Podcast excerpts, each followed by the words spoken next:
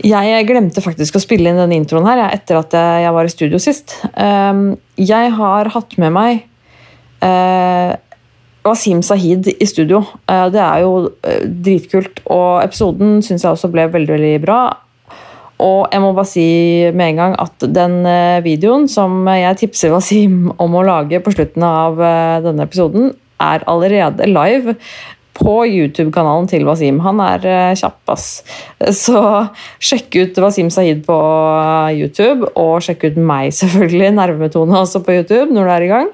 Uh, jeg linker til dette her også i shownotes. Um, jeg håper du liker episoden. Takk til Wasim Sahid igjen, og vi høres igjen, eller ses på YouTube, veldig snart.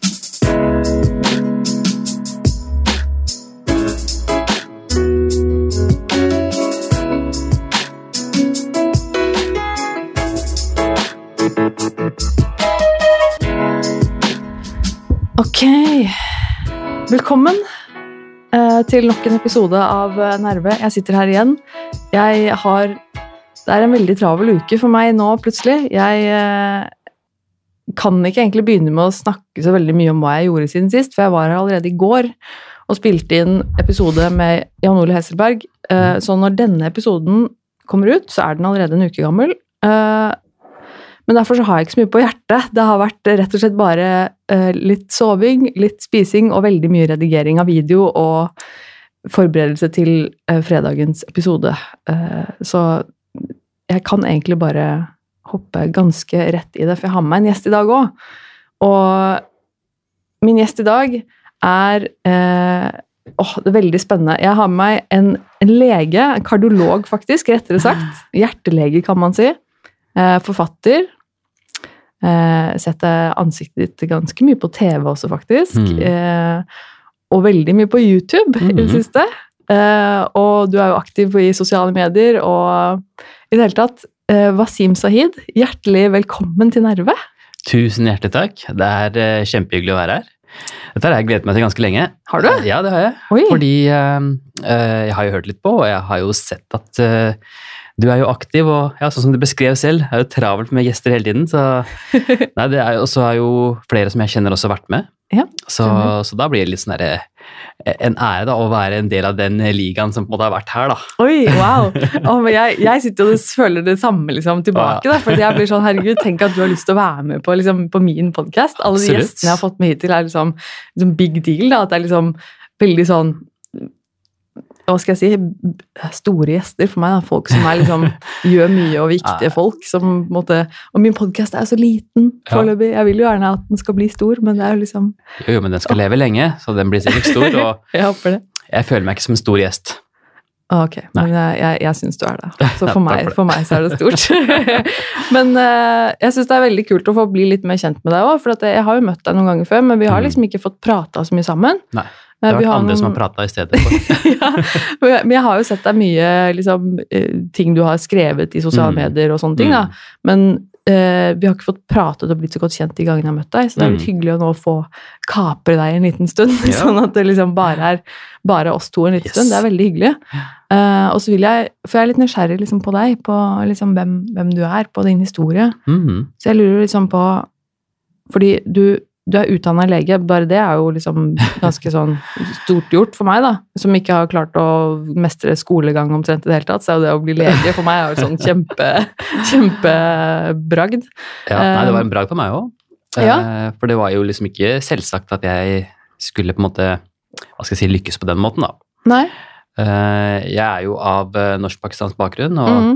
foreldrene mine de kom til Norge på begynnelsen av 70-tallet ja. med tomme hender. Ja. Så, og de på en måte bygde opp livene sine. Og, og da jeg ble født på midten av 70-tallet, søsknene mine etter hvert, så har jeg tenkt tilbake på at uh, vi var jo egentlig, uh, i hvert fall økonomisk sett, da, den gang en del av Norges underklasse. Mm. Uh, far var den eneste som hadde inntekt, og heller ikke noe høy inntekt. og da vi vokste opp, så var det liksom Vi har vokst opp med sparsommelighet. Uh, og, og, det er det jeg husker fra, fra, barndommen, er at foreldrene våre de gjorde alt de kunne for at vi på en måte skulle ha det godt, og vi hadde jo alltid, Det var, liksom, det var mat hjemme og alt sånt, og, men jeg husker jo alltid at eh, når det gjaldt klær og leker og sånn, så hadde vi på en måte budsjettutgaven av ting, da. Ja. Uh, og eh, Så jeg har tenkt tilbake til det, at eh, eh, Og mange i min omgangskrets, mange av vennene mine, uh, eller de som bodde i, på de samme stedene som vi vok vokste opp på, Uh, klarte seg ikke nødvendigvis på samme måte. Nei. Eh, på ingen måte sagt at jeg mislykket i livet, absolutt ikke, men uh, ja, det å gå videre og ta en akademisk utdannelse og sånt, og, så ja, det er en bragd for meg òg, og Ja. jeg er stolt over det. ja, men det skal du absolutt være. Ja, Men du, fordi du Ble du født i Norge, jeg ble eller? født i Norge. Ja. Mm, jeg ble født i Oslo, og eh, jeg er fra Oslo. Ja. Eh, og eh, studerte også da på Universitetet i Oslo, Ja. eh, hvor jeg eh, Foreldrene mine hadde jo veldig lyst til at eh, barna deres skulle bli leger. Det er jo på en måte I det pakistanske miljøet så er det stas da å være lege. Ja, det er jo kanskje mange miljøer. Ja, ja, absolutt. Ja, så, de, eh, så de var ganske smarte, egentlig. Eh, fra vi var små, både jeg og søsknene mine, så, så på en måte implanterte de det ønsket om å bli lege inn i hodene våre. da. Oh ja, ok. Eh, jeg husker at Da vi var små, så fikk vi liksom bøker i biologi og anatomi som tilpasset barn. Ja, som vi satt og bladde i. Så fra tidlig av da, så, så fikk eh, både jeg og, og søsknene mine interesse for, for helse og kropp og Ah. anatomi og sånne ting. Slik at da jeg var 19 år og søkte på, på medisin, så, så var det ikke fordi jeg ville tilfredsstille foreldrene mine, det var fordi jeg virkelig ville bli lege. Ja. Men de, det var jo de som hadde måte plantet det ønsket Ja. i hodet mitt. Men da hadde du allerede utviklet en kjempeinteresse for det faget, ikke sant? Så Ja, da var det jo perfekt for deg å gå den veien. Mm. Smarte foreldre. Ja, smarte foreldre, så jeg er takknemlig for det. De har jo sørget for at jeg har fått et godt liv, da. Ja, absolutt. Men eh, for du, for du ble født i Pakistan, men har du, har du Født i Norge. Nei, unnskyld, ja, født i Norge var det jeg mente, men har du eh, har, du- har familie og noe tilknytning til Pakistan sånn sett? Måte, Ja. ja. Jeg har eh, Jeg føler meg veldig norsk, egentlig. Jeg er født og oppvokst der, og jeg kjenner jo på en måte en tilknytning til Norge mer enn noe annet. Og tilhørighet og lojalitet og alt det der. Eh, Jeg kjenner ikke til noe annet hjem enn Norge. Men samtidig så er det en del av meg som er pakistansk, og det vil alltid være. Eh, Jeg har, eller Foreldrene våre de passet på at vi hadde kontakt med det pakistanske også. Vi var jo eh, i Pakistan eh, eh i feriene våre. Ja, det var det. Ja, mm. og, og, de lærte oss eh, språket. Så jeg kan jo snakke urdu. Jeg kan både skrive og lese og snakke urdu. Ja, du fortsatt? Du kan ja, det? Kan ja. Det. det er kult. Det er kult. Uh, så agar main is tarah bolna shuru kar dun to fir aapko samajh nahi aayegi ki main. Så da sa jeg at hvis jeg begynner å prate sånn, så skjønner du ikke hva jeg sier. Nei, jeg skjønner i hvert fall ikke. Det er kanskje noen av lytterne mine som gjør det. Um, men så, um, så en del av meg vil alltid være pakistansk også. Jeg er jo veldig glad i pakistansk kultur og uh, musikk og mat og ja, mange pakistanske tradisjoner som fortsatt lever i meg. Ja. Er, er du fortsatt uh, ofte i Pakistan, eller? Og nå er det noen år siden sist. Uh, etter at jeg selv fikk uh, barn, så har det blitt litt vanskelig å, å reise. Um, Man blir jo litt sånn uh, litt feigere når man får barn. Ja, Uh, hvordan da? Nei, jeg husker, eh, jeg husker en gang så var jeg i Pakistan eh, sammen med Abid Raja, den kjente politikeren. Mm. Eh, og da var vi to begge Jeg tror vi var 19-20 år.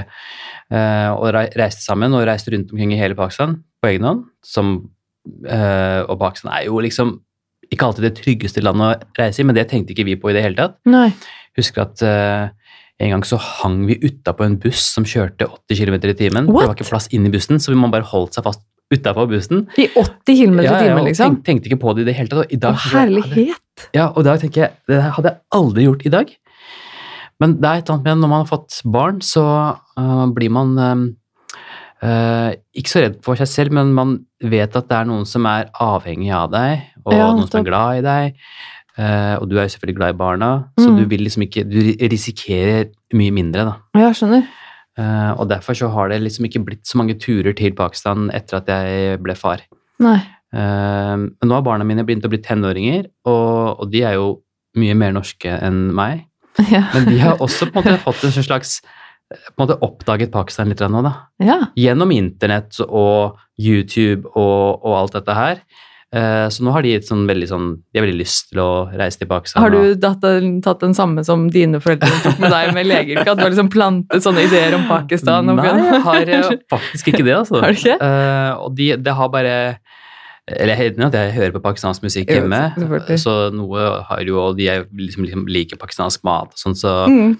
de, lik, de ser for seg bare alle de kule tingene med Pakistan, da. Ja. Og kanskje ikke noen av de utfordringene som kan også være der. Mm. Men jeg syns det er veldig kult at de er interessert, og ja. uh, det blir sikkert uh, gøy for dem og interessant for dem og et lite kultursjokk for dem å reise dit en eller annen gang. Ja, Mm. Men jeg tenker også det må jo være utrolig kult for dem, altså fordi dine barn, de, jeg regner med at de anser vel seg selv som norske nordmenn, på en måte, Mm, ikke sant? Og mm. det må være utrolig kult å ha en kultur som man kommer fra, hvis du skjønner. For Mm, jeg mm. som helt norsk på alle måter, på en måte, har jo ikke Mine foreldre og mine besteforeldre, alle mine er på en måte norske nordmenn. eh, født i Norge, veldig kjedelig. Og sånn sett tenker jeg at det må være litt kult å ha liksom en, en, en kultur som man på en måte kan eh, holdt jeg på å si, forske litt i, hvor familien kommer fra. Liksom, Ja, ja. At, at det er noen sånne i familien. Det, må være litt er veldig interessant at du sier det, eh, og jeg blir litt glad for at du ser det på den måten, fordi eh, det er ofte jeg tenker på når jeg er Jeg bor nå i et sted som heter Lommedalen utenfor Oslo, i Bærum, Mm. som er jo et veldig, hva skal jeg si, et veldig homogent, typisk norsk sted, da. Ja. Eh, og, eh, og det er folk som har bodd der, som har bodd der i Eller slektene deres har bodd der i flere generasjoner. ja. Og jeg, og jeg tenker jo at det er folk som bor i Lommedalen, som har en sånn tilknytning eh, og en, på en måte, en følelse av, av, av tilhørighet til Lommedalen da, som jeg aldri kan forstå. Mm. Og jeg misunner dem det. At de kan liksom tenke at når de tråkker i de stiene i skogen, så kan det være den samme stien som kanskje forfedrene deres også har tråkket i. ja. Uh, og, og jeg merker at det er enkelte som har en, en helt sånn utrolig tilknytning til det stedet, uh, som jeg ikke har, og ikke Mm. klarer å forstå. Um, så det, men da er det jo litt kult å høre at du syns at, uh, at den andre veien også er kult. At det at jeg har på en måte en annen kultur da, som, Ja. som jeg kan utforske og, og, og finne, finne noe glede i. ja. Uh, Men jeg, ofte så føler jeg meg jo veldig sånn rotløs, da. Jeg, mm. Det er en ting jeg ofte savner, er um, Ikke nasjonalisme i det hele tatt, men litt sånn patriotisme. Uh, det å på en måte virkelig Det å føle at du bor i ditt land, det er ditt sted. At du på en måte ordentlig sånn der eierskap, eh, ha, ha følelser for det stedet du bor til. Det, for det har jeg ikke. Jeg, eh, jeg sier at jeg er fra Oslo, og det er på en måte, det er kanskje det nærmeste jeg kommer tilknytning, men nå har jeg ikke bodd i Oslo på 20 år. Halve Mm. livet mitt har jeg ikke bodd i Oslo engang. Mm. Uh, og, så jeg, jeg, jeg føler liksom at jeg ikke har tilhørighet til noe spesielt sted. Da. Også det pakistanske er også litt sånn fjernt. Det er Ja. ikke det samme som de som bor i Pakistan. Eh, de har en helt annen følelse for Pakistan enn det jeg har. ja. Um, så, mm, Selv om du er født i Norge, liksom, så er det på en måte ikke det samme likevel. Nei, det er liksom ikke det samme, og jeg, jeg merker det mer og mer. At eh, um, kollegaene mine, som på er helnorske, da, sånn som du sa, Ja. uh, har en litt annen uh, Har en litt annen på en måte sånn feeling og connection til landet sitt enn det jeg har, da. Hmm. Um, så det savner jeg noen ganger. Mm. Yes. Ja, det er litt interessant, egentlig. For jeg skulle på en måte tro at du at Siden du er født og oppvokst i Norge, at, at det kanskje ikke var en, en greie, liksom? Skulle Ja, det tro, er likevel noen sånn forskjeller. Det er liksom jeg, jeg, jeg føler meg veldig norsk, jeg vet ikke hva annet jeg skal føle meg. Jeg, jeg føler at jeg er den jeg er.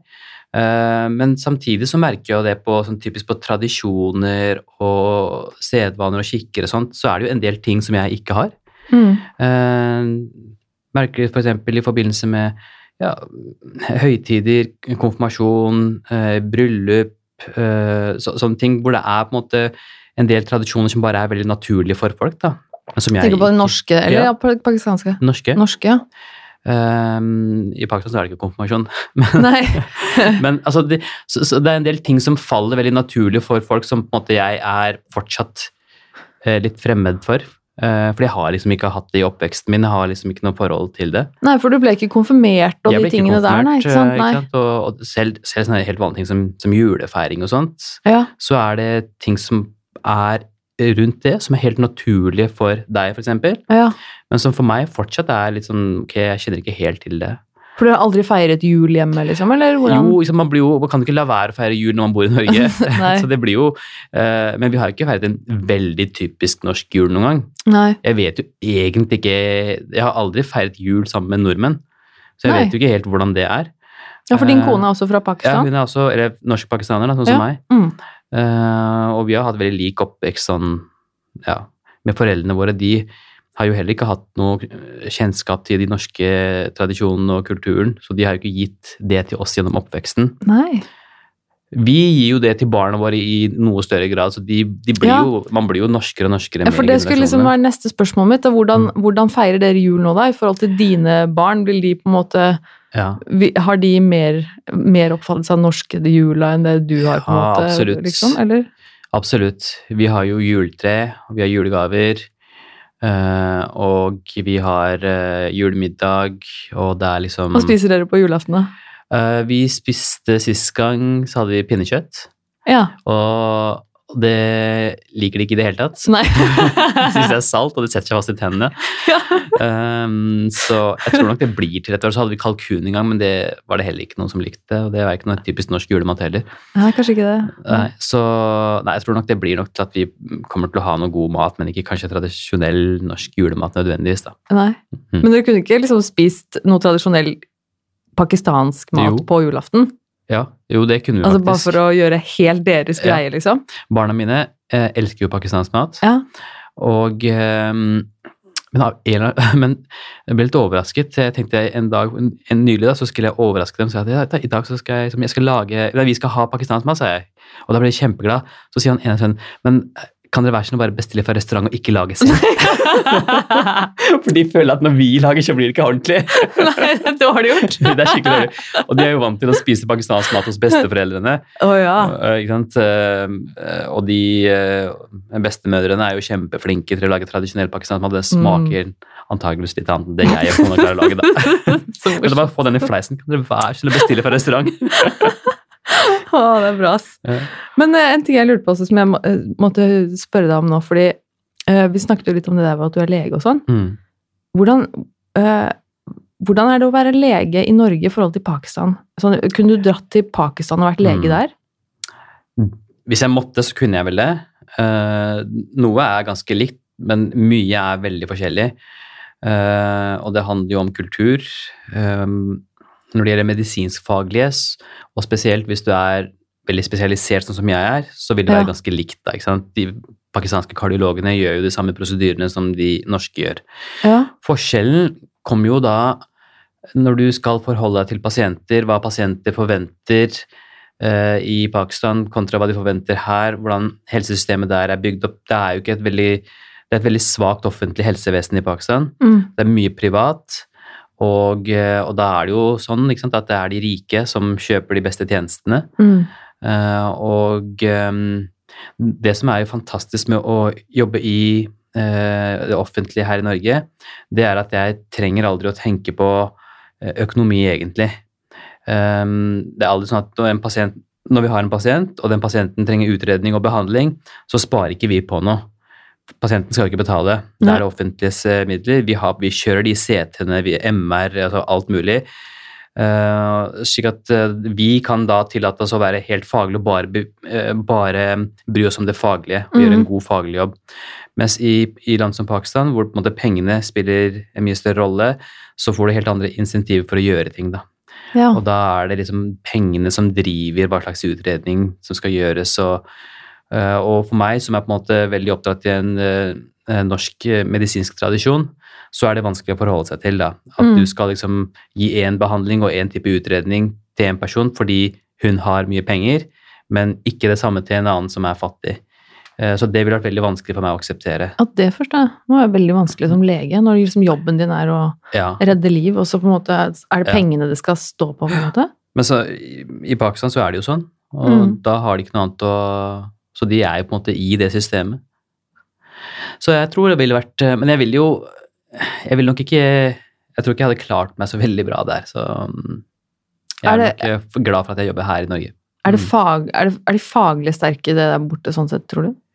Jeg tror de er eh, ganske likt. I hvert fall nå liksom, har det blitt sånn at med internett og sånt, og de nyeste retningslinjene, den nyeste forskningen publiseres jo overalt, så Ja. de, de leser jo det samme, og de forholder seg til det samme. Mm. Eh, jeg har jo sett pakistanske kardiologer og hvordan de jobber eh, altså jeg, har jo hørt om det og sett eh, noen av pasientene mine som har vært i Pakistan og fått gjort ting, og jeg har lest rapportene. Ja. Så de gjør jo nøyaktig de samme tingene som vi gjør her i Norge. ja. Mm. Ja, Det er litt interessant, det der. For du, til vanlig så jobber du jo på Drammen sykehus. Ja. Og så er du overlege. Ja. Hva, hva vil det si at du er overlege? Overlege, det er en, eh, det er en stilling. eh, Så det betyr jo bare at du har eh, litt mer overordnet medisinsk ansvar. Mm. Um, Har du personalansvar også? Ja, ikke personalansvar. Eh, som overlege så har du medisinske ansvaret. Mm. Så de andre legene som ikke er overleger, de kalles da for lege i spesialisering, så de kan være veldig erfarne, de også. Eh, Men de, har, de er ikke ferdig spesialiserte. Eh, Men det er sånn at eh, selv om det er de som da f.eks. jobber på en sengepost, så er det jeg som har det medisinske ansvaret for den sengeposten. Eh, Og jeg som må ta de siste beslutningene. Som overlege så er det mye mer den siste instansen, da. Jeg husker da jeg var yngre og var en sånn lege i spesialisering, så var det alltid sånn at hvis du ikke forsto noe, så gikk du og spurte noen, ikke sant, konfererte. Og sånn sett så var det da noen andre som hadde ansvaret enn deg. Men nå er det mye mer sånn at som overlege så er du den siste som noen kan spørre, da. Mm. Uh, og du må ta uh, mye mer beslutninger og vurderinger og, og stå for de. Så, Ja. så det er mye mer ansvar. Så, men, eh, men du har like mye med pasienter å gjøre og Mm. på en måte sånne ting, ikke sant? Så din, din hverdag sånn sett er ganske lik de andre legenes på Ja. måte på avdelingen din, eller? Ja. Ja. Og så er men så er det sånn at hvis du er spesialist, så gjør du en del prosedyrer som de andre ikke gjør, da. Ja. Så jeg, så det er morsommere å være overlege. Ja. Eh, ofte så, altså, I anførselstegn så får de andre underordnede legene litt mer sånn slavearbeid, da. ja. Eh, mens ja. overlegene gjør mye mer av de interessante, spennende prosedyrene. ja. Mm. Som hva da? Hva er det du syns Ja, det er kulest å gjøre på ja, det kan være uh, ultralydundersøkelser, det kan være pacemaker-programmeringer, det kan være å operere inn pacemaker, eh, stikke på store blodårer, legge inn kanyler og litt sånne ting. Altså det å holde på med uh, Jobbe på intensivavdelingen hvor det er veldig dårlige pasienter, da. Mm. Eh, så, så det er jo spennende, da. Ja, hva, hva er kulest? Hva er det du syns er sånn skikkelig sånn åh, yes, den Ja, det er nå. å jobbe på intensiv. Ja. For da har du ofte pasienter f.eks. med alvorlig hjertesvikt eller blodforgiftning med en infeksjon, og de er jo kan være De kan henge mellom liv og død. Mm. Eh, og da er det veldig avgjørende hva du gjør, da. Eh, hvilken vei det kan da gå. Eh, så det, det å akkurat jobbe med de pasientene som er svært syke Ikke det at jeg liker at pasientene er syke, men å vite at du har tryggheten til å kunne hjelpe dem, da. Mm. Eh, Det syns jeg er veldig det noe av det beste med å være lege. Mm. Kjenne at du har den evnen til å kunne håndtere vanskelige og uoversiktlige situasjoner. Mm. Det skjønner jeg. Altså, Mm. det- Det høres veldig spennende ut. Det er det. høres ut som en veldig sånn utfordrende, krevende greie hvor du alltid lærer noe nytt, og alltid ingen dag er lik, og det er veldig sånn Det høres veldig spennende ut. Ja, det er absolutt, absolutt. Jeg føler også at ingen eh, ja. Som lege så lærer du hele, hele yrkeslivet. Ja, jeg Mm. skjønner at folk liker å være lege. på en måte, at det, Jeg snakket jo litt med, med Kave Rashidi også, som Ja. du kjenner også, som har vært eh, gjest hos meg tidligere, om dette med å være lege. og Jeg, jeg, jeg skjønner det så godt, Mm. at, eh, hvorfor det appellerer. Og, dette med, og, det er, og så er det så stort, det er så bredt. Du blir jo på en måte, som du sier, aldri ferdig. Du lærer jo alltid. Og når du er i en sånn, en sånn posisjon som deg også, som må du ha fått eh, bli overlege, så tenker jeg at det må være utrolig kult. Og... Ja, ja, det er kjempekult. Og... Kava er jo veldig flink, da. Han er jo Mm. veldig sånn Veldig klok. Og veldig, har et veldig sånn overordnet perspektiv. Så en shout-out til Kave. Ja, absolutt, absolutt. Men ehm, du driver jo du driver med ganske mye. Mm. Jeg blir nesten litt imponert, for at det, du Det å være lege, jeg tenker det må det, Du jobber jo mye, sant. Det jo, dette gjør du jo hver dag. Mm. Og så i tillegg så driver du jo mye med YouTube for tiden. Mm. Du lager jo videoer hvor du snakker om helse Mm. og liksom folkeopplysning om, om folk sender deg spørsmål, og jeg digger den YouTube-kanalen din. Det er kjempekult. Tusen takk. Eh, men hvordan Det er litt gøy, da, for jeg Mm. føler at du og jeg vi gjør liksom nesten det samme Ja. sånn sett på YouTube. Ja. Du, du formidler litt om, sånn, om helse og Ja. medisin, Mm. og jeg formidler litt om psykisk helse. Mm. Så på en måte så gjør vi litt det samme. Det er litt gøy.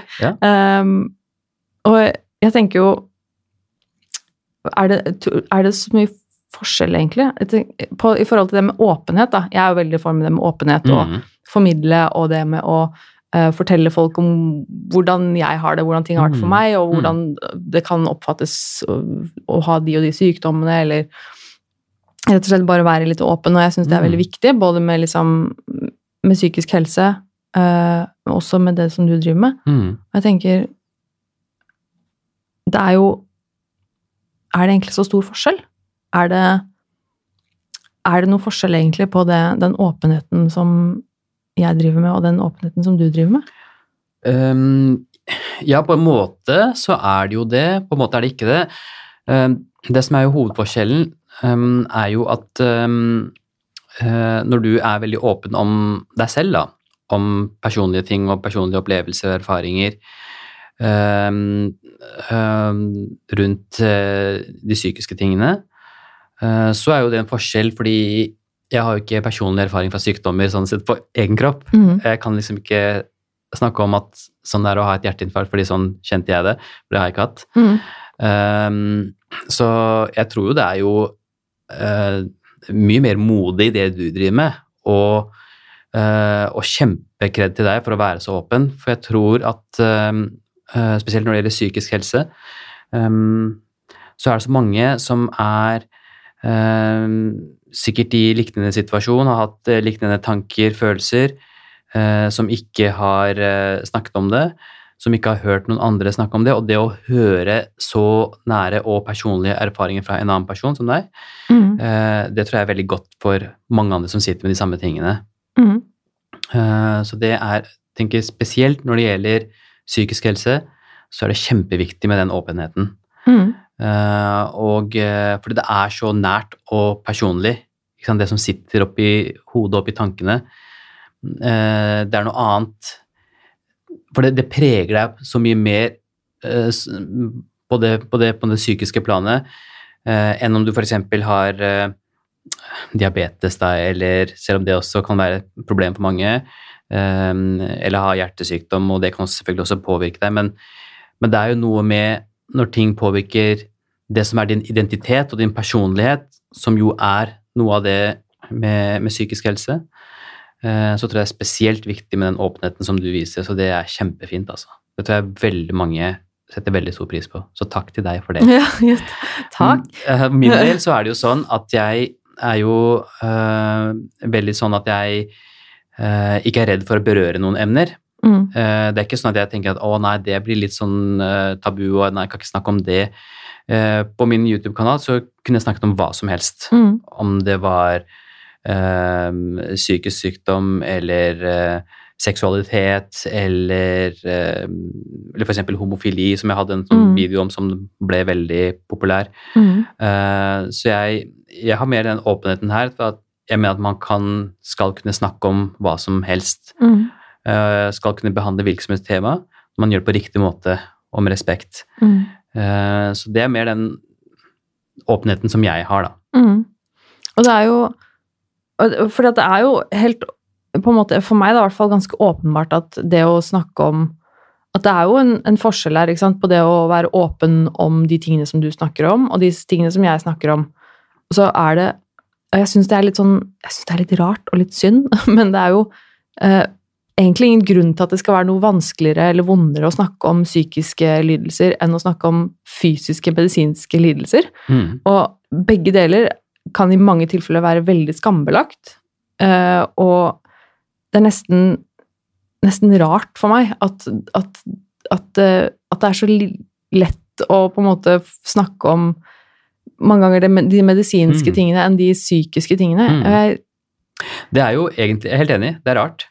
Men det er et resultat av hvordan vår kultur er bygd opp gjennom tusenvis av år. Mhm. Uh, og vi er på en måte der vi er da nå, at eh, det, Det har alltid vært liksom det å uh, Psykisk sykdom, det har tradisjonelt, og jeg er selvfølgelig helt uenig med det, men tradisjonelt vært ansett som litt sånn Da er du litt svak, ikke sant. Det er Mm. noe med tankene dine, det er noe med hodet Ja. ditt. Uh, at du, så det har vært liksom, det, det er ikke noe du skal innrømme, at du er deprimert f.eks., eller at du har angst for et eller annet. Mm. Um, for liksom Kan du ikke bare ta deg sammen? Mm. Det er mange som ikke forstår hvor vanskelig psykisk sykdom er, da. Nå er det nok det, men tradisjonelt så har det vært sånn at det har vært lite forståelse for det, Mm. det å være psykisk syk, og derfor har nok også mange ikke villet snakke om det, fordi man vet hva man, man liksom, hva, hva, slags eh, ting man, hva slags reaksjoner man møter da, når man snakker om det. Eh, Så derfor så har det blitt til at eh, det å snakke om psykisk sykdom er mye vanskeligere. Men jeg er helt enig der. Hjernen er jo like mye del av kroppen som hjertet, eller Mhm. tarmene, eller hva som helst. Eh, Men eh, eh, ja, fortsatt så er det sånn at dessverre så syns vi det er vanskelig å snakke om. Men derfor er det veldig viktig med sånne stemmer som deg. Som jeg tror jo, jo men hver gang man snakker om det, så blir ting litt mer alminneliggjort. Ja. Litt avmystifisert, litt normalisert. Ja, og jeg tror fortsatt vi har en lang vei å gå. Ja. Men, men det er sånne bidrag som vi trenger hele tiden. da. Uh, har, du opplevd, har du opplevd det som lege, at, at du har opplevd en, en forskjell i det i pasienten din i forhold til om de kommer til deg med ting som Altså psykiske plager i forhold til de fysiske plagene, på en måte, er det Ja, helt klart. Det er jo altså de Fortsatt så er det sånn, og mange av pasientene mine er jo litt eldre og tilhører en litt annen generasjon, mm, som syns det er eh, Som vil helst ikke snakke om psykiske ting. mm, Uh, og i den grad de nevner det, så er det liksom litt i en bisetning, eller prøve på en måte å ikke gå for mye inn på de temaene der. Hva gjør du da som, som lege hvis du får hint om at en pasient på en måte kanskje kan ha noe Ja, nei, Vi er jo opplært i å da gripe disse gylne øyeblikkene. For Mm. dette her kan jo også være en Hos en del pasienter så kan det være en måte å, å si ifra om at dette vil jeg snakke om. mm, At de dropper litt hint. Uh, og da er det veldig viktig for meg at jeg har antennene ute og fanger det opp, og går videre med det og, eh, og spør da liksom, ja, hva, hva var det egentlig? Du, ja, du sa at du har vært litt nedenfor, og eh, ja, du sa at du går på eh, antidepressiva, hvorfor det egentlig? Hva skjedde? Og eh, gir dem i hvert fall muligheten til å prate om det, da, vise at dette her er interessert, og dette kan vi prate om. mm, Um, så, og så er det noen som da blir eh, glad for det og, og griper den muligheten og vil da åpne seg mer. Mens andre likevel ikke vil. Og det, uh, det må du lære deg å kjenne litt etter. Du kan liksom ikke presse det ut for mye frem heller. mm, Uh, hvis du merker at det er en pasient, og hun absolutt ikke vil inn på det, så, så gjør jeg ikke veldig mange forsøk på det heller, og jeg merker at hun ikke vil det. mm. Nei, for det er jo litt Du kan jo ikke tvinge noe ut Nei, av noen heller, på en måte. Men det, men det er kanskje Jeg opplever det oftere i på en måte da den litt mer voksne generasjonen, at de eldre og godt voksne enn i forhold til de unge. Er det en forskjell der? Vet, har du Ja, det, jeg merker jo det at det er jo sant, litt mer åpenhet nå. Mm, Eh, hvis du har en dame som er 70 år gammel, eller en mann som er 70 år gammel, eller noe sånt, nå, så har de litt måte, for, til å fortsette en generasjon hvor de ofte syns sånne ting er litt vanskelig å snakke om, Mm. eller ikke ønsker å snakke om det. Jeg sier ikke alle, mange gjør det også, eh, men det er en forskjell eh, fra f.eks. en 30-åring. Eh, I den generasjonen er det nok mye større aksept for å snakke om ting, og mye mer åpenhet rundt det også. Gjelder det også eh, liksom somatiske plager, da? Er det, har de eldre også vanskelig for å på en måte snakke om ting, medisinske Nei. plager og sånne ting også, eller? Nei, Nei? det gjelder det psykiske. Bare Ja, Ja. ok. Yes. Det, nå, nå er jeg veldig generell. Generelt, ja, Det finnes selvfølgelig. masse nyanser, men Ja. stort sett så er det sånn at de syns det er greiere å snakke om fysisk sykdom enn psykisk sykdom. Ja. Mm. Jeg syns det, er litt- jeg synes det er nesten fascinerende, for det, Mm. det er litt sånn Jeg får litt følelsen av at det er sånn Vi kan godt innrømme at vi har vondt et sted, eller har en Mm. eller annen sykdom sånn somatisk, da, et eller annet, fordi det Jeg føler at det at det kanskje er litt sånn, fordi det kan vi ikke noe for. Mm. Og da er det liksom greit å si at ja, men jeg har en sykdom og den sykdommen, og det er greit, fordi at det kan jeg ikke noe for, og sånn er det bare. Men det samme gjelder jo for psykisk sykdom også, på en måte. At jeg kan ha den og den psykiske plagen, men det er jo i utgangspunktet ikke noe jeg kan noe for. Ja, Og det er jo, altså det er en, jeg er helt enig, enig, men jeg tror det er litt sånn Fortsatt den holdningen der, uh, bare for å forklare uh, hvorfor det er sånn, så er nok den holdningen at fysisk sykdom er mye mer sånn derre Man tenker at det er litt sånn pga. tilfeldig, det er ikke min feil at jeg mm. fikk kreft, det er ikke min feil at jeg har fått diabetes, mens Eh, når det gjelder psykisk sykdom, så er det nok fortsatt en del som kanskje bebreider seg litt for at de har fått det. Mm. Uh, og det uh, liksom at det var noe galt med meg, at jeg ble deprimert. Dette Ja. klarte ikke jeg å takle. Mm. Uh, så det ligger mye mer nederlag i det. Mm. Så det tror jeg er årsaken, da. noe av årsaken at folk syns det er vanskelig. Jeg tror også det. Mm. Og Og så det går jo- det mye mer på din identitet og personlighet når det gjelder det psykiske, Ja. enn om det er på en måte nyren din, da. Ja. Jeg syns det er kjemperart og veldig, veldig synd. Ja, Jeg, jeg håper det vi må få slutt på det, på en måte. ja, det håper jeg også. For det er, ikke noe, det er egentlig ikke noe forskjell, tenker jeg, da. Nei, Men, eh, det er eh, Altså, kroppen er jo Dette er eh, skillet mellom fysisk sykdom og psykisk sykdom er jo også litt kunstig. mm, Eh, hjernen påvirkes av alle de andre tingene i kroppen, og kroppen påvirkes av hjernen, og det er på en måte det samme systemet. Ja. Eh, så det å, det å ha det skillet er også litt kunstig. Men det er jo stadig mer bevissthet rundt det, også i fagmiljøene. mm. Og, øh, så jeg tror nok det vil endre seg etter hvert. Ja, det håper jeg. Så du, du bruker jo en del tid på folkeopplysning, rett og Mm. slett. Ja. Gjennom YouTube-videoene dine og sånne Ja. ting.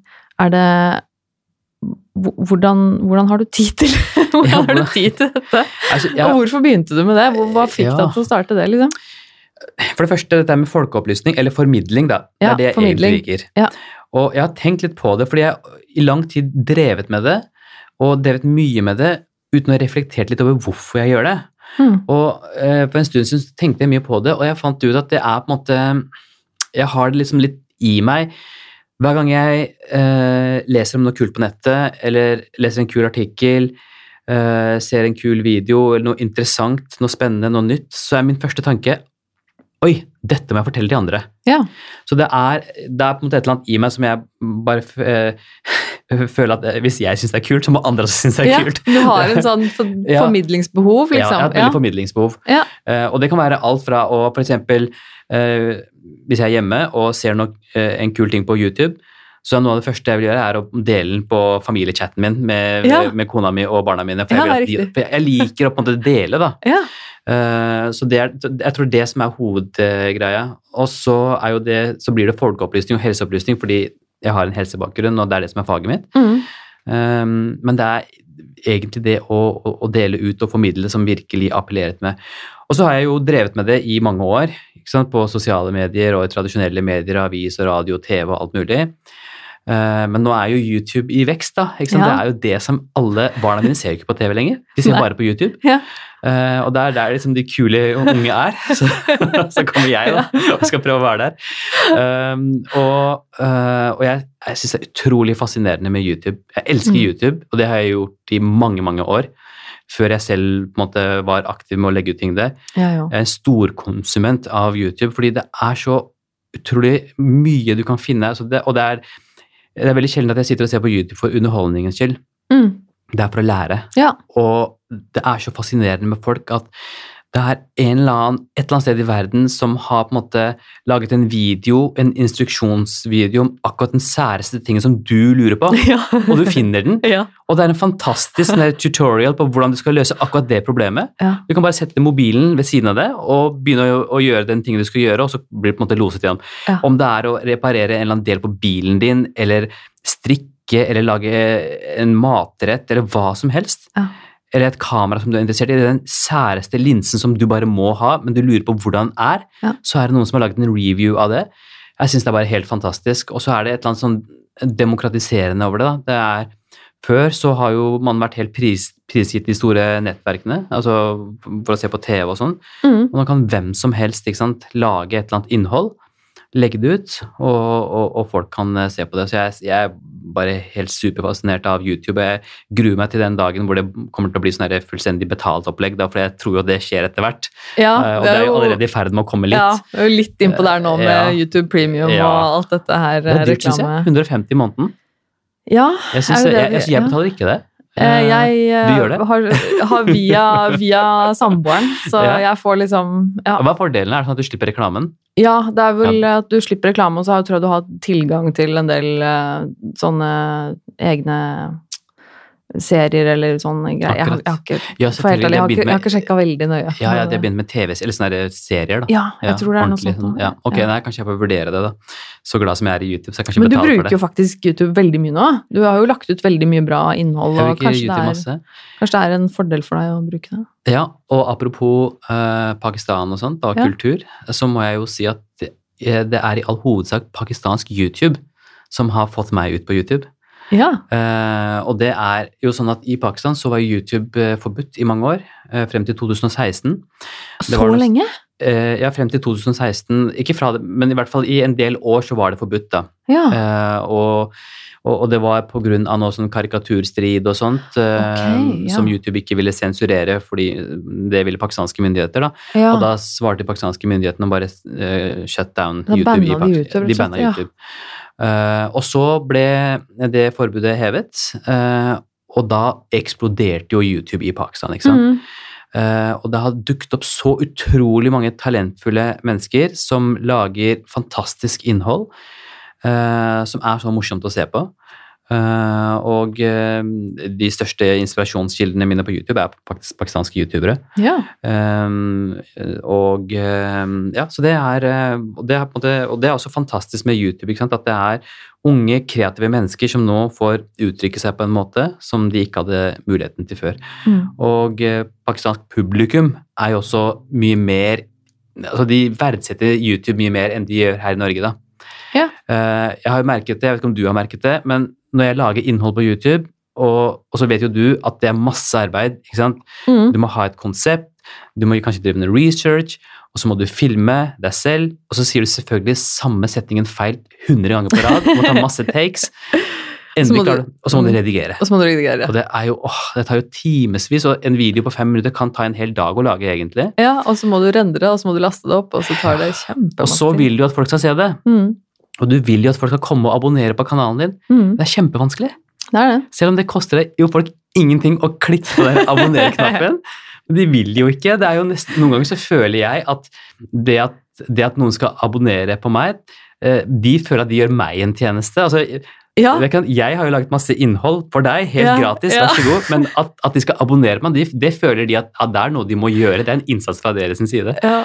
Uh, så, men i, uh, i Norge så er det litt sånn, jeg tror folk er vant med å bare få ting ganske greit, da. Så, så det er litt vanskelig å få folk til å abonnere, eller få folk over fra Facebook og over til YouTube og se på en video. Uh, det er en sånn terskel der. Mm. Men ja, men vi vil jo at kanalene våre skal vokse, for vi, vi, vi, vi føler jo både du og jeg at vi har et budskap som vi vil formidle, som er viktig, da. Ja. Jeg tjener jo ikke noe på at du abonnerer på kanalen min. Uh, I hvert fall ikke så lenge vi er her i Norge er små youtubere. Jeg tror du skal være ganske svær youtuber for å tjene penger på det. Ja, ja det, ja, jeg tror det. I hvert fall i. Norge, tror jeg. Norsk Så, skal mye ikke sant, til. så det er jo, og det er jo Når man jobber så hardt som man gjør med disse videoene, så er jo den eneste belønningen vi får, er jo på en måte at, at vi får eh, at noen liker videoene, eller at noen abonnerer på oss. Mm. Så det er jo, det er jo den egentlig eneste lønna man får. Ja, det er jo den Mm. publisiteten, da, at Mm. noen liker det eller deler det, og Mm. at, noen, at flere ser det. Ja. Og det er jo, og jeg har jo følt veldig på det, i hvert fall ettersom jeg måtte jo på en måte starte på scratch. Altså Mm. jeg har jo aldri drevet med noen ting i media før, da, for Mm. å si det på den måten. Mm. Så jeg er jo ikke kjent for noen for noe. For, for noe. Mm, mm, mm. Sånn at når jeg starta den podkasten her, så starta jeg jo fra null. Ja. Så det er jo ingen som kjenner til navnet mitt Nei. fra noen ting fra før. Så da, jeg føler at det, det er veldig mange Podkast er jo liksom det nye greia. Ja, ja. Alle har jo en podkast nå. Og jeg, jeg, jeg får litt sånn vondt noen ganger, da. Må jeg innrømme at jeg blir litt bitter når det er sånn Mm, Når det er noen, noen mm, holdt jeg på å si kjendistryner, mm, som har en kjempefollowing da, for Mm. noe helt annet mm, som har bygget opp et eller annet, om det er viktig eller ei, Mm. som da finner ut at nå skal jeg lage en podkast, mm.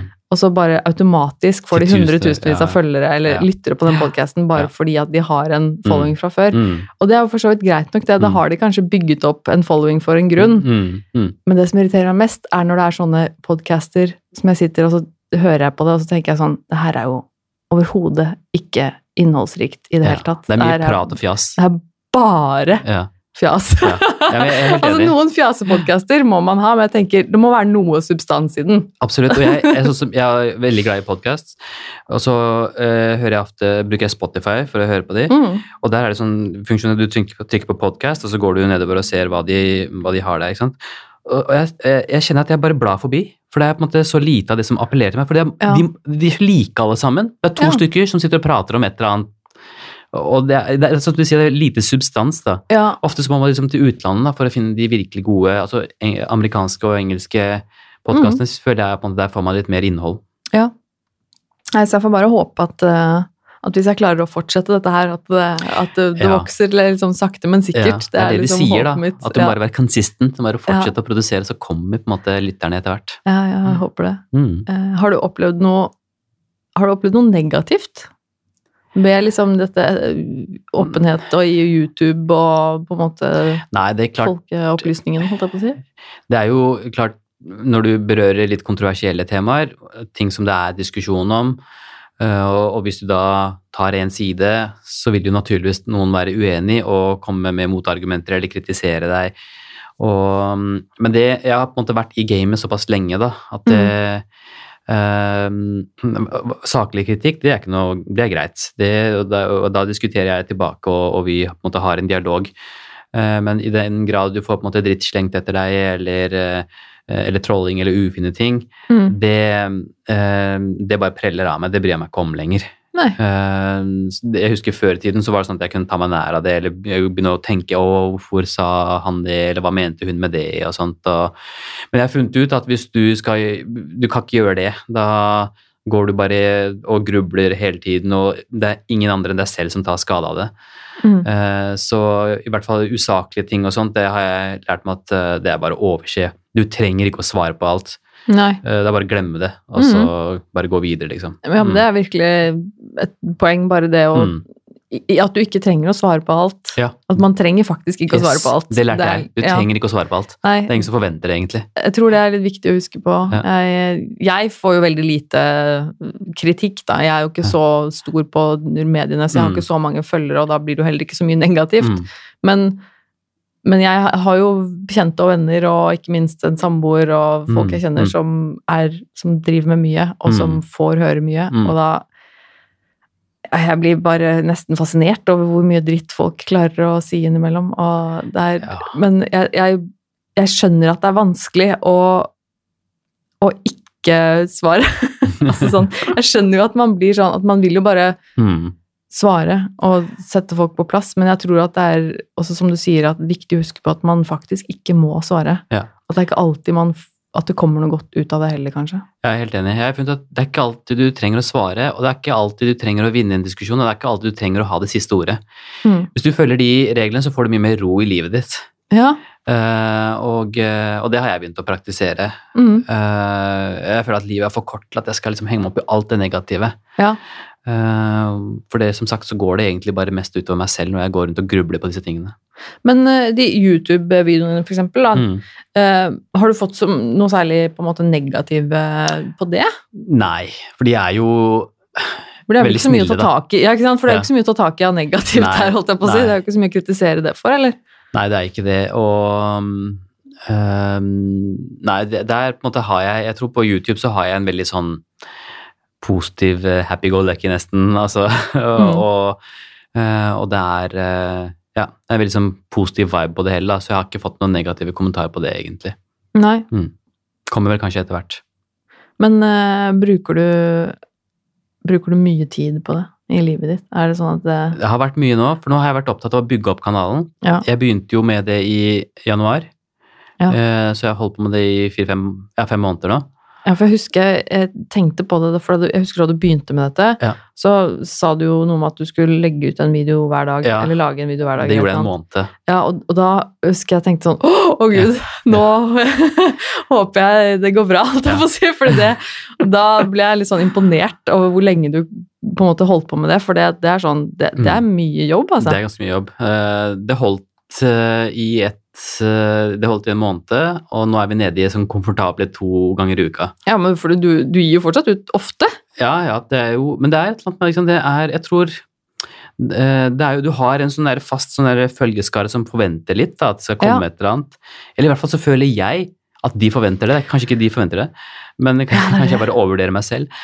Men eh, eh, ja, men det er jo også jeg, jeg kjenner også at det er litt sånn Det er litt addictive fordi eh, når du har lagt ut en video, så får du en veldig sånn tilfredsstillelse. Og med en gang du har lagt den ut, så begynner du å tenke åh, det var gøy, nå må jeg planlegge neste. Ja, hva er neste? Hva er Ja, hva er neste? Ja. Så det er jo, det er jo litt sånn, eh, litt sånn eh, berusende, egentlig. Så, Ja. eh, og det er jo gøy, og jeg er jo interessert i eh, Jeg er jo litt sånn nerd av meg når det gjelder de tekniske tingene, så jeg liker på en måte foto, video, redigering, har legge på musikk og sånt. Og, ja, Mhm. Så det er jo en slags hobby også. ja, jeg tar litt på jo, hobbykvoten. ja, for du har jo gått til innkjøp av litt sånn kamerautstyr, og du har på en Ja. måte begynt å gå litt inn på de, Ja, de greiene det er jo vanvittig. Men hvis du ser på noen av de flinke redigererne på YouTube, da, de lager noen vanvittige morsomme ting. Så mm. ja, jeg er langt unna det foreløpig. Men øh, fordi Det skal jeg også spørre deg om, for du nevnte noe med det der, det der presset da, om mm. å legge ut nytt og legge ut nytt. Mm, mm. For du, du kjenner på det du òg, liksom? At det, Absolutt. Jeg kjenner på det. Og så er det jo også sånn at um, uh, man blir jo flinkere og flinkere med alt man gjør. Mm, Gradvis så blir man flinkere.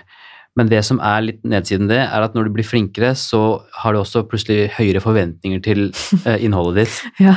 Eh, og har du først hatt en video som plutselig har fått 5000 eh, views, ikke sant, og, og den slo an, så har du ikke lyst til å lage en som kanskje bare får 500. For da er det veldig nedtur. Da er det veldig nedtur. Ja. Og da, altså du, du presser deg hele tiden til måte, noe, noe bedre, da, og det er Ja. litt stressende. Ja. Eh, og det kan også føre til at du ikke legger ut så mye. Mm, Eh, jeg, jeg merker jo nå at eh, en del ting som jeg la ut til å begynne med, en del videoer, hadde jeg ikke laget i dag. Bare, Mm. bare på fem måneder så har det gått til det at du eh, begynner å bli litt mer kresen på hva du vil publisere. Ja. Så det også, men det er også litt sånn stressoppbyggende, da. At Ja. du legger press på deg selv, og det må bli bedre, det må bli større, det må være godt nok, sånne ting. Ja, så, det vet jeg alt om, skal jeg på å si. Ja, Jeg kjenner veldig på sånne ting selv, og Mm. jeg har jo ekstremt høye krav til meg selv. Mm. Men åssen påvirker det deg da? Er det sånn at du Blir du aldri Altså, jeg mener, du jobber som lege, lege, og du har veldig ja. mye du driver med. Blir du ikke utbrent, liksom? Sliten, eller Eh, jeg blir sliten, Ja. og jeg merker jo at det er sånn det går utover søvnen.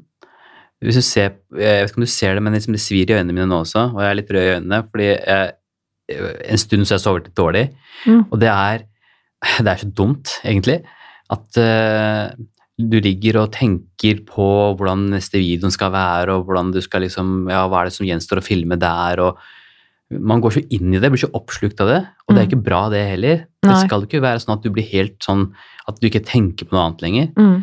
Men eh, Og jeg kan liksom eh, og plutselig våkne av, av en eller annen årsak, da. For eksempel la oss si klokken fire på morgenen. Eh, men så klarer du ikke å sove igjen, fordi plutselig kommer tankene. Mm. Alle, og ja, nei, redigering, eh, alle disse tingene her. Så, ligger du og surrer, og så holder deg våken. Så det går jo litt utover. eh, Det er ikke bra. Jeg har begynt å trene mindre etter at jeg begynte med dette her. Oh, ja. Fordi det går mye tid til dette her. Mm. Og så er det så lett å tenke «Ah, jeg trener ikke i dag, nå tar jeg heller og sitter her og redigerer. Mm. Så i stedet for å ha en halvannen time hvor du kanskje hadde løpt og trent og gjort noe med kroppen, så blir Mm. du sittende i to-tre timer i stedet for. Så det er ikke bra sånn sett for helsa heller. Nei. Eh, så jeg må finne en eller annen balanse der, altså. Jeg må gjøre Ja. et eller annet med workflowen min som Ja, For den kan jeg tenke meg er litt vanskelig å finne den balansen, for du kan jo ikke akkurat slutte å jobbe noe mindre. Nei, Eller du, kan, du kan Nei, ikke det jobbe jeg noe gjøre. mindre, så, kan du, så da blir det jo på en måte Du må ta der du kan ta, Ja. og så har du ikke lyst til å lage mindre videoer. Nei, har ikke det. Så det er ikke så greit alltid å skjønne hvordan man løser det heller, kan jeg tenke meg. Nei, nå har jeg jo innredet eh, kontoret mitt på jobben min, da. Eh, Ja. Jeg har laget mitt YouTube-studio der. Eh, Drammen sykehus er et veldig gammelt og uh, fallferdig sykehus, og de kontorene våre de er på en måte eh, vi kan egentlig gjøre hva vi vil der. Så, så har- de, det er ingen som bryr seg, så jeg har malt vegg og på en måte laget mitt studio der. Jeg har lysutstyr og alt sånt liggende der. Oh, ja. Slik at jeg kan f.eks. filme litt i en pause eller rett etter jobb. ja. Så slipper jeg å gjøre det hjemme eller andre steder. Ja, for jeg har sett at du har laget Ja. noen videoer på, Mm. på jobb med noen kollegaer og sånn som du har hatt med. Og, Ja. mm. Så da, det er jo på en måte en måte å løse det på, da, så da frigjør jeg litt tid etter jobb, eller eh, slipper å gjøre så mye hjemme, da. Jeg Ja. Ikke tid på andre ting. Ja. Mm. ja, men det er jo ikke, ikke så dumt, faktisk. Um, jeg skulle også det, Ja, nå bare måtte jeg sjekke notatene mine her. Uh, hva er Det er kanskje vanskelig å svare på, men hva er liksom, Har du noen sånn best, beste slash verste opplevelser du har hatt som lege? Noen historier? Et eller annet? Jeg må, for det er liksom, jeg må spørre om det. Ja, nei, altså det er um, Beste opplevelsen er jo selvfølgelig når du gjør en veldig eh, spennende prosedyre eller gjør et livreddende inngrep. Det er jo veldig sjelden at vi gjør noe som redder liv. Eh, men iblant så gjør du det, uh, og iblant så tenker du at hadde ikke jeg vært her akkurat nå og gjort akkurat det helt riktig, så kunne det hende at den pasienten hadde dødd. Det skjer en sjelden gang. Og det er en veldig god følelse, da. At du har faktisk en, utgjort en så stor forskjell. Uh, men uh, det, det, verste er jo det omvendte. At du mister en pasient. Mm. Uh, og at um, um, Og jeg har også merket at um, triumfene dine, da, det at du gjør et, et eller annet livreddende prosedyre eller noe kjempebra, det har du glede av der og da, og du husker det kanskje den dagen og dagen etter. Jeg kan ikke huske alle de gangene jeg har gjort det. Uh, du glemmer det. Men det du husker, det er de pasientene du ikke klarte å hjelpe. Mm. De livene du ikke klarte å redde. Uh, så alle de gangene jeg har mistet en pasient, um, det husker jeg fortsatt. Mm. Jeg husker ikke alle gangene jeg reddet en pasient, men jeg husker alle de gangene jeg ikke klarte å redde et, et liv. Jeg husker alle de pasientene, om ikke navnet, men i hvert fall kanskje ansiktet eller settingen. Så, så, det er på en måte noe som, det er ting som du kan kanskje ligge våken på natten og tenke på, eller plutselig dukke opp når du står i dusjen eller når du er ute og løper. Så de, de, og du spør deg selv om du gjorde alt riktig, om uh, var det noe du kunne gjort annerledes. Um, og det aller verste du kan gjøre som lege, det er jo å, å gjøre en eller annen feil som mm. får fatale følger vi leger eh, og sykepleiere og all helsepersonell er jo mennesker og gjør jo feil hele tiden. Små feil. Som regel ikke får noen som helst konsekvens. Om du har dosert et medikament feil, så blir det raskt oppdaget, så blir det rettet opp i om pasienten fikk en dosefeil eller et par dosefeil, gjør som regel ingenting. Tåler det. Uh, og vi gjør jo alt vi kan for å minimere disse feilene her, med mange gode system for det. Men iblant så er det jo sånn, det ligger i tallenes tale, det ligger i sakens natur, at du kommer til å gjøre feil som får alvorlige følger. Mm. For min egen del så var det eh, Da jeg var ung lege, så eh, overså jeg en diagnose. Mm. Det vil si, eh, jeg skjønte ikke at det var det som var sykdommen, og, og sendte pasienten fra meg. Og, og, kort tid etterpå, da, bare to-tre dager etterpå, så døde pasienten brått. Uh, og da, da, har jo jeg tenkt på liksom at uh, hadde jeg strukket meg litt lenger, kanskje gjort en litt bedre innsats, kanskje gjort litt flere undersøkelser, uh, så kunne den tilstanden vært oppdaget, og den pasienten kunne kanskje ha overlevd. Nå var dette en gammel dame som, som kanskje ikke hadde levd i mange år etterpå, selv om hun hadde overlevd det akutte. Uh, og, uh, men det er jo som og, og, og, og, så ble jo, I og med at det var på en måte et uventet dødsfall, så blir jo da saken alltid gransket. og sånt nå, og Man kom frem til at det var liksom ikke noe jeg gjorde feil, egentlig. Mm. Det var bare ikke mulig å uh, helt sikkert vite at det var den diagnosen på det tidspunktet jeg undersøkte henne. Mm. Men likevel så har jeg likevel den tvilen inni meg som kommer med jevne mellomrom, hvor jeg tenker ja, er det egentlig sant det ikke var mulig å, å, ta den diagnosen? Eller gjorde jeg bare ikke, eller anstrengte jeg meg bare ikke nok for å finne den diagnosen? Og det svaret har jeg fortsatt ikke. Uh, og det er noe av det vondeste uh, det er for en lege, det er jo å, å, miste en pasient fordi man har gjort en feil. Ja. Um, så det er jo den, det er den verste opplevelsen jeg har hatt. Så den, den vil jeg jo alltid huske gjennom hele karrieren min, er jeg sikker på. Men jeg har aldri uh, Da har jeg hatt spesiell høy på en måte Eh, mistanke om den diagnosen siden, da. Så jeg tenker på det hver eneste gang når noen har de lignende symptomene. Mm. Så kanskje har det medført at, uh, at jeg aldri overser den diagnosen igjen. Så kanskje jeg har kommet noe godt ut av det. Ja, det vil jeg jo tro. Mm. Um, det må jo også, Både så, sånne opplevelser som det der, da, og, og, sånne hendelser, på en måte, det må jo være veldig belastende å leve med det. Jeg tenker, du er jo, Mm. Som lege så er du jo en, en hverdagshelt, og du Mm. redder jo mange liv. ikke sant? Vi Mm. kunne jo på en måte ikke klart oss uten leger. Eh, og, og det er likevel så på en måte litt trist, da tenker jeg at, eh, at de opplevelsene, de, som du sier, at de, alle de gangene du redder et liv, Mm. de gjør ikke så stort inntrykk på deg som de gangene som du, hvor du mister et liv, holdt jeg på å si. Ja. Og selv om det er mye færre, så.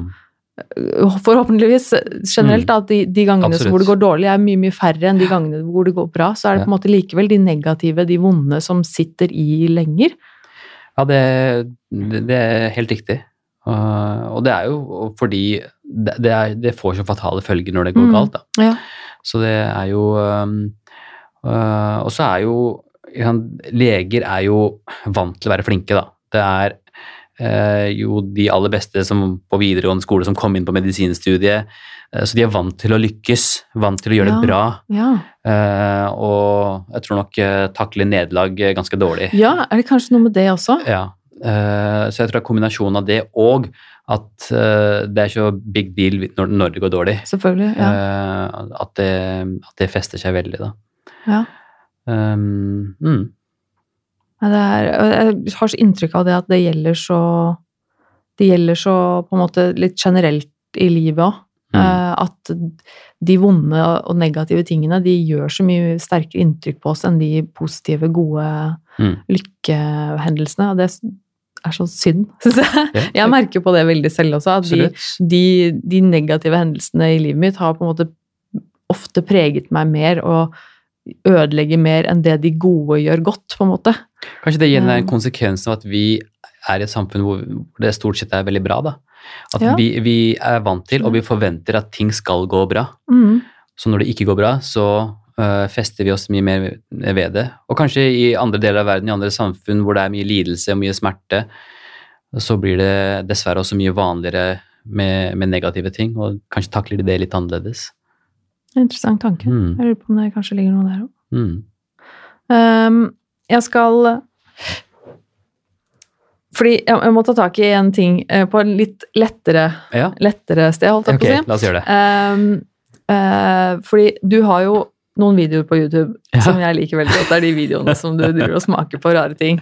Ja. Som du har blitt litt kjent for nå. Ja, ja, ja. Eh, det er jo fantastisk gøy. Og jeg, og jeg har jo Jeg er jo litt sånn Japan-geek. Ja, Og i Japan så der har de også veldig mye rart av ja. mat og drikke, og de, har, de er veldig glad i sånn eh, å prøve ut f.eks. limited editions av forskjellige drikker og sånn som de selger en liten periode og sånn. Og blant annet eh, Her kommer et lite, lite tips til deg. Mm. Ja, kom igjen. Fordi eh, da jeg var i Japan, jeg tror det var da jeg var der i 2017, Ja. så hadde de en Og jeg var så heldig, for jeg var der akkurat da de hadde den der. Det var eh, De hadde Coca-Cola eh, med kaffe. Hæ? Ja. ja. Og det var altså en limited edition, sånn boks som de solgte inn i enkelte utvalgte av de der eh, automatene som står ute på gata.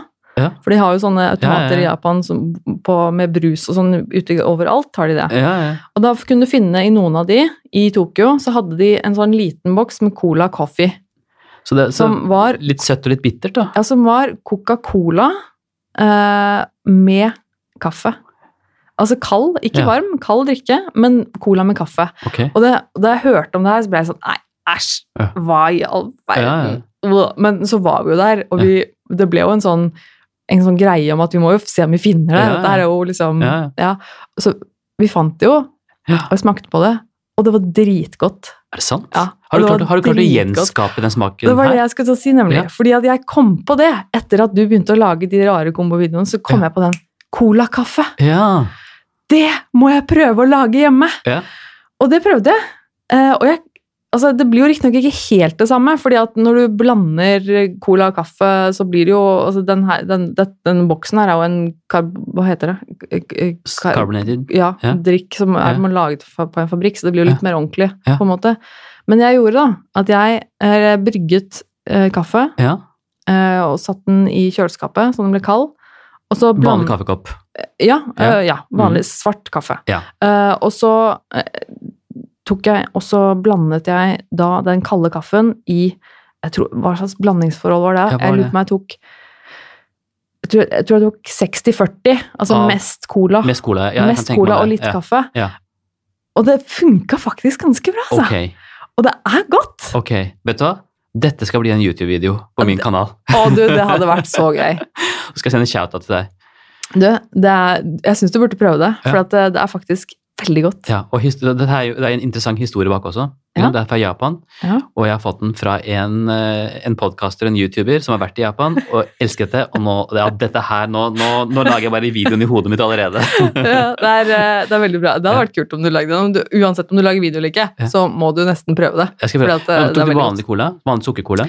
Nei, jeg drikker jo bare Cola Zero, Ok, så jeg tror Cola Zero. Og jeg tror den jeg fikk i Japan også var Cola Zero, nemlig. ok. Greit. Eh, Ja, men det, det, jeg har bilde av boksen, så det kan jeg dobbeltsjekke i så fall. Ja, men, men det skal jeg google også. men, Mm. eh, men det var faktisk overraskende godt. Eh, jeg tror jeg, jeg fikk vel Ja, jeg fikk kjæresten min også til å smake, og han sa at han syntes det var godt. Så det, Greit, Nei, men da skal jeg teste det. Det Dette er litt veldig godt tips. Ja. Cola-kaffe. Cola-kaffe. Eh, Det virker veldig rart. Jeg tenker på, liksom, det, er jo, det er jo allerede koffein i Coca-Cola, og så skal jeg bare putte på litt mer. Kanskje det blir litt mye koffein? Nei, det går vel greit. Det er ikke noe du drikker hele tiden. Nei, Nei. Uh, og jeg, jeg, har, jeg har bare lagd det et par ganger. Mm. Jeg, liksom- for jeg glemmer det liksom litt. For det blir litt Mm, mm. styr, på en måte, for du må liksom lage den kaffen, og så må den være kald, for det skal Mm. være en kald drikk. Så du Mm. må liksom men eh, det, fikk jeg Nå fikk jeg veldig lyst på det når jeg sitter og snakker Ja, om det fikk jeg også. Jeg skal, jeg skal teste Men jeg syns faktisk det er overraskende godt at Ja. den kaffesmaken og den colasmaken Ja. komplementerer hverandre faktisk veldig bra. Ja. Jeg kan jo fortelle bakgrunnen for dette. Nå går jeg i hvert fall igjen tilbake til Pakistan. Ja. er Der har de en drikke eh, som er blanding av 7up og melk. Det er der det begynte. Var det der det Eh, begynte? Det er der det begynte. Ja. Og da vi var små, så pleide vi å få det litt som sånn kosedrikke. da. Oh, ja! Eh, 7up med melk. For det, alle, i Pakistan, alle i Pakistan vet hva det er. ja. Eh, og eh, det, det, kalles for melkesoda. Eh, Ah. og, så, og så tenkte jeg at ja, da prøver cola i stedet for 7up. Da. Da, ble det, da ble det cola og melk, og det smakte jo ok. Eh, og så så har jeg jo prøvd litt forskjellige kombinasjoner, men den som virkelig har vært god, da, det er eh, jordbærmelk, altså sånn Litago med jordbærsmak, Mm. og vanlig rødcola, sukkercola. ja. Uh, og det smaker faktisk eh, det, det, altså, det smaker faktisk godteri. Altså, Ja. En del godteri har litt sånn kunstig søt smak, ikke sant. Mm. Så det, det ble faktisk godt. Det ble veldig søtt, men det, det var liksom ikke Ja, det var Men- godt. Mm. Har du smakt det med Prøvd den komboen med, med sukkerfri cola også? Altså Eh, nei, Litago Men jeg, tror, jeg, vil jo med anta at det smaker omtrent det samme. Ja, for fordi- da er det ikke like mye sukker. Ja. At da er det kanskje litt mer Ja. greit å drikke det, på en måte, hvis du ja. skjønner det. Jeg drakk det bare den ene gangen. Jeg men jeg, jeg har sett den videoen på, på YouTube din, Sammen med barnelegen, Ja, og han likte den også. Ja. Noe av det verste jeg prøvde, det var kefir og 7up. ja, det så ikke så godt ut. Nei, det, så det var ikke godt, men det var en sykepleier som også prøvde samtidig, og han syntes det var kjempegodt. Ja, Så ja, folk er forskjellige. folk er forskjellige, heldigvis. Men det er veldig gøy, da. Ja, det er jo kjempegøy å lage sånne videoer, det er Ja. veldig gøy å se sånne videoer, og så er det, Det er veldig gøy mye... å prøve det hjemme etterpå. Ja, og så er det ikke så mye arbeid, ikke sant? Eh, og, det blir, og folk liker å se på det. Så det kan være et triks da, når du er i en sånn dødperiode og ikke vet hva du skal lage i videoen. Lag en drikkemiks. Ja, ja men absolutt eh, Jeg skal selvfølgelig linke til eh, YouTuben din på Ja, shownotes Ja, som denne her. Selvfølgelig, det skulle bare mangle. Uh, og så jeg skal jo snart eh, avslutte, altså. Yes. men jeg skal bare ha, eh, jeg skal ha noen korte spørsmål til Ah, deg på slutten. jeg elsker sånne runder. Det er første Kunne du spist menneskekjøtt? Ja. Ja. Hvis jeg var i en situasjon hvor jeg måtte, Ja. for å overleve, Ja. så kunne jeg gjort det. Hadde du gjort det hvis du hadde fått Altså som typ i dag, ikke for å overleve, men du hadde fått det servert som en kuriositet. Men altså, la oss si at det har vært e- etisk forsvarlig, altså vedkommende, altså at Mm. alt er på plass sånn sett, Ja. men at Nei. for å smake. Det hadde jeg ikke. Nei. Og, og det er jo ikke rasjonelt sånn sett, annet enn at det er bare eh, altså Man får tanker til kannibalisme og sånt med en gang, og det bare byr meg så imot. Ja. Uh, og det er ikke en tanke jeg har tenkt engang, så jeg har ikke vurdert det. Eh, men men jeg, jeg ville automatisk begynt å tenke Du sa at det var etisk forsvarlig, men jeg ville automatisk begynt å tvile på det. da. Ja. Hvem i all verden har donert kroppen sin til en restaurant, eller hva det måtte være? Hvorfor, og hva er det som er Ja. bak det? Det Men selv om du på en måte bare godkjenner det premisset om at det, er det er godkjent, og vedkommende er, Ja. har, har donert kroppen sin for deg, for Ja. at du skal Altså, Ja, nei, jeg hadde ikke gjort det, det, det, og, og jeg har ikke noen rasjonell forklaring på det, annet enn at det Nei. bare byr meg imot. Ja. Men i, i en overlevelsessituasjon for meg så kommer livet foran alt annet. Ja. Uh, så jeg vil jo mye heller leve enn å dø. Ja. Så da hadde jeg gjort det. Så da hadde du gjort det. Mm. Ja, interessant. Og da tror jeg faktisk jeg til og med kunne hvis jeg hadde, jeg hadde ikke drept et menneske for å spise det, men hvis et menneske var dødt, f.eks. den der filmen hvor de eh, Hva heter den, da? Eh, hvor, det- der, fotballandslaget styrter i, et, i Peru, eller hvor det er i Chile. Eh, oh ja, og, og så, jo, jo, den er kjempe Alive heter den. Oh ja, okay, Ja. hvor de må da til slutt begynne å spise. Det, I en sånn setting så hadde jeg nok til og med faktisk klart, tror jeg, å ta ut noe kjøtt og, og tilberedt det og, og spist det. ja, Men du hadde ikke drept noen? Nei, hadde ikke. absolutt ikke. Absolutt. Det er trygt å være sammen med meg. Ja, det er bra. um, hva er det du ikke klarer deg uten i hverdagen? Uh, være, tenker du det er en ting? Eh, ja.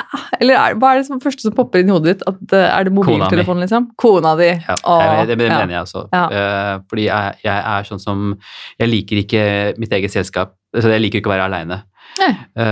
Og eh, jeg hater f.eks. å se på TV alene. Jeg må ha noen å komme med kommentarer til, eller Og igjen så har det litt forbundet med min på en måte, trang etter å formidle og dele. Altså, mm. jeg, jeg, jeg, må- jeg må på en måte gjøre ting sammen med noen. Jeg må dele, være sosial om ting. Ja. Uh, så og jeg syns det er veldig kjedelig på de kveldene hvor kona ikke er hjemme. da. Ja. Uh, så det tror jeg har vært uh, mm. Sterk nummer to er mobil. ja, for det var mitt andre spørsmål, men Med- mobilen Den- med nettforbindelse, selvfølgelig- for fordi uten nettforbindelse så er mobilen kjempekjedelig. Ja. Jeg har ikke noe glede av den. Ja, det er helt enig. Eh, og så til slutt da, så må jeg bare konstatere da Pepsi eller Cola? Ja, Pepsi. Nei, Wasim! Jeg har alltid vært Pepsi Nei, nei, Max-fyr. nei. nei. Pepsi Max, ikke vanlig Pepsi, det vet jeg ikke hvordan smaker engang. Eh, og så føler jeg også at Pepsi er litt som underdog i forhold til Cola, da.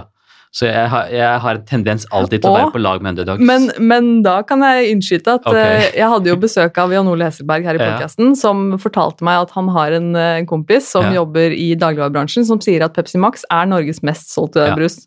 Så da er det Cola som Ja, er underdogen. ja, nei. Jeg, jeg, egentlig så har jeg veldig dårlig utviklede smaksløker. Å ja? Uh, ja, så jeg er veldig lite kresen på smak og mat. Ja. Uh, og de andre hjemme hos meg, de ler av meg. Uh, Ja. Er det så I, I en blindtest så er jeg ikke sikker på om jeg hadde klart å skille mellom Pepsi og Cola engang. Hadde du ikke? Nei, jeg tror ikke det. Mm. Eh, Du har ikke prøvd, altså? Jeg har ikke prøvd. eh, Mm. og, men så for meg så spiller det ikke noe rolle. Jeg kan drikke Cola, jeg også. Altså. Men det har bare blitt til at jeg kjøper Pepsi Max. Jeg tror det er fordi de firepakkflaskene er billigere, eller et eller annet sånt. Ja, Mm. ok, jeg skjønner. Mm, det er ikke noe mer komplisert enn det. Nei, ja, men det, er- det er innafor. jeg skal eh, minne folk på igjen om at eh, de må sjekke YouTube-kontoen din, og jeg skal linke til den. Jeg skal linke til din sosiale medier-konto. Er det noe sånn helt på slutten du har lyst til å promotere, et eller annet du driver med, eller noe som kommer, eller noe du vil si helt på slutten? Nei, jeg syns jo vi har vært igjennom eh, veldig mye. Jeg vil jo igjen takke for at jeg fikk komme hit. Ja. Og jeg vil eh, berømme deg for eh, ditt arbeid. Eh, kanalen din og, og podkasten din bør være mye, mye større, og det tror jeg den kommer til å bli. For det er ekte. Det er alltid, Min erfaring er at ting som er ekte, over tid så er det, de, det er det som er bærekraftig, og det er det som kommer til å på en måte virkelig Så jeg tror nok eh, Ja, du er en stor fremtid foran deg. og Jeg Oi, gleder meg til å følge den. Mm. Mm. det var, oh, wow, jeg ble helt satt ut. Tusen takk, det var veldig hyggelig. Og så vil jeg selvfølgelig si tusen hjertelig takk for at du kom i dag, Wasim. Jeg syns det var utrolig hyggelig å ha deg på besøk. I like måte. Hyggelig å være her.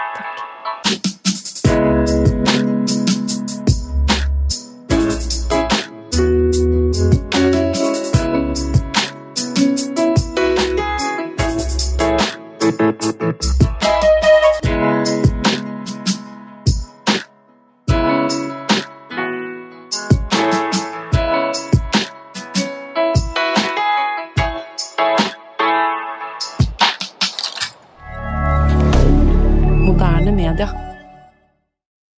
Har du et enkeltpersonforetak eller en liten bedrift? Da er du sikkert lei av å høre meg snakke om hvor enkelt det er med kvitteringer og bilag i fiken, så vi eh, gir oss her, vi. Fordi vi liker enkelt. Fiken superenkelt regnskap.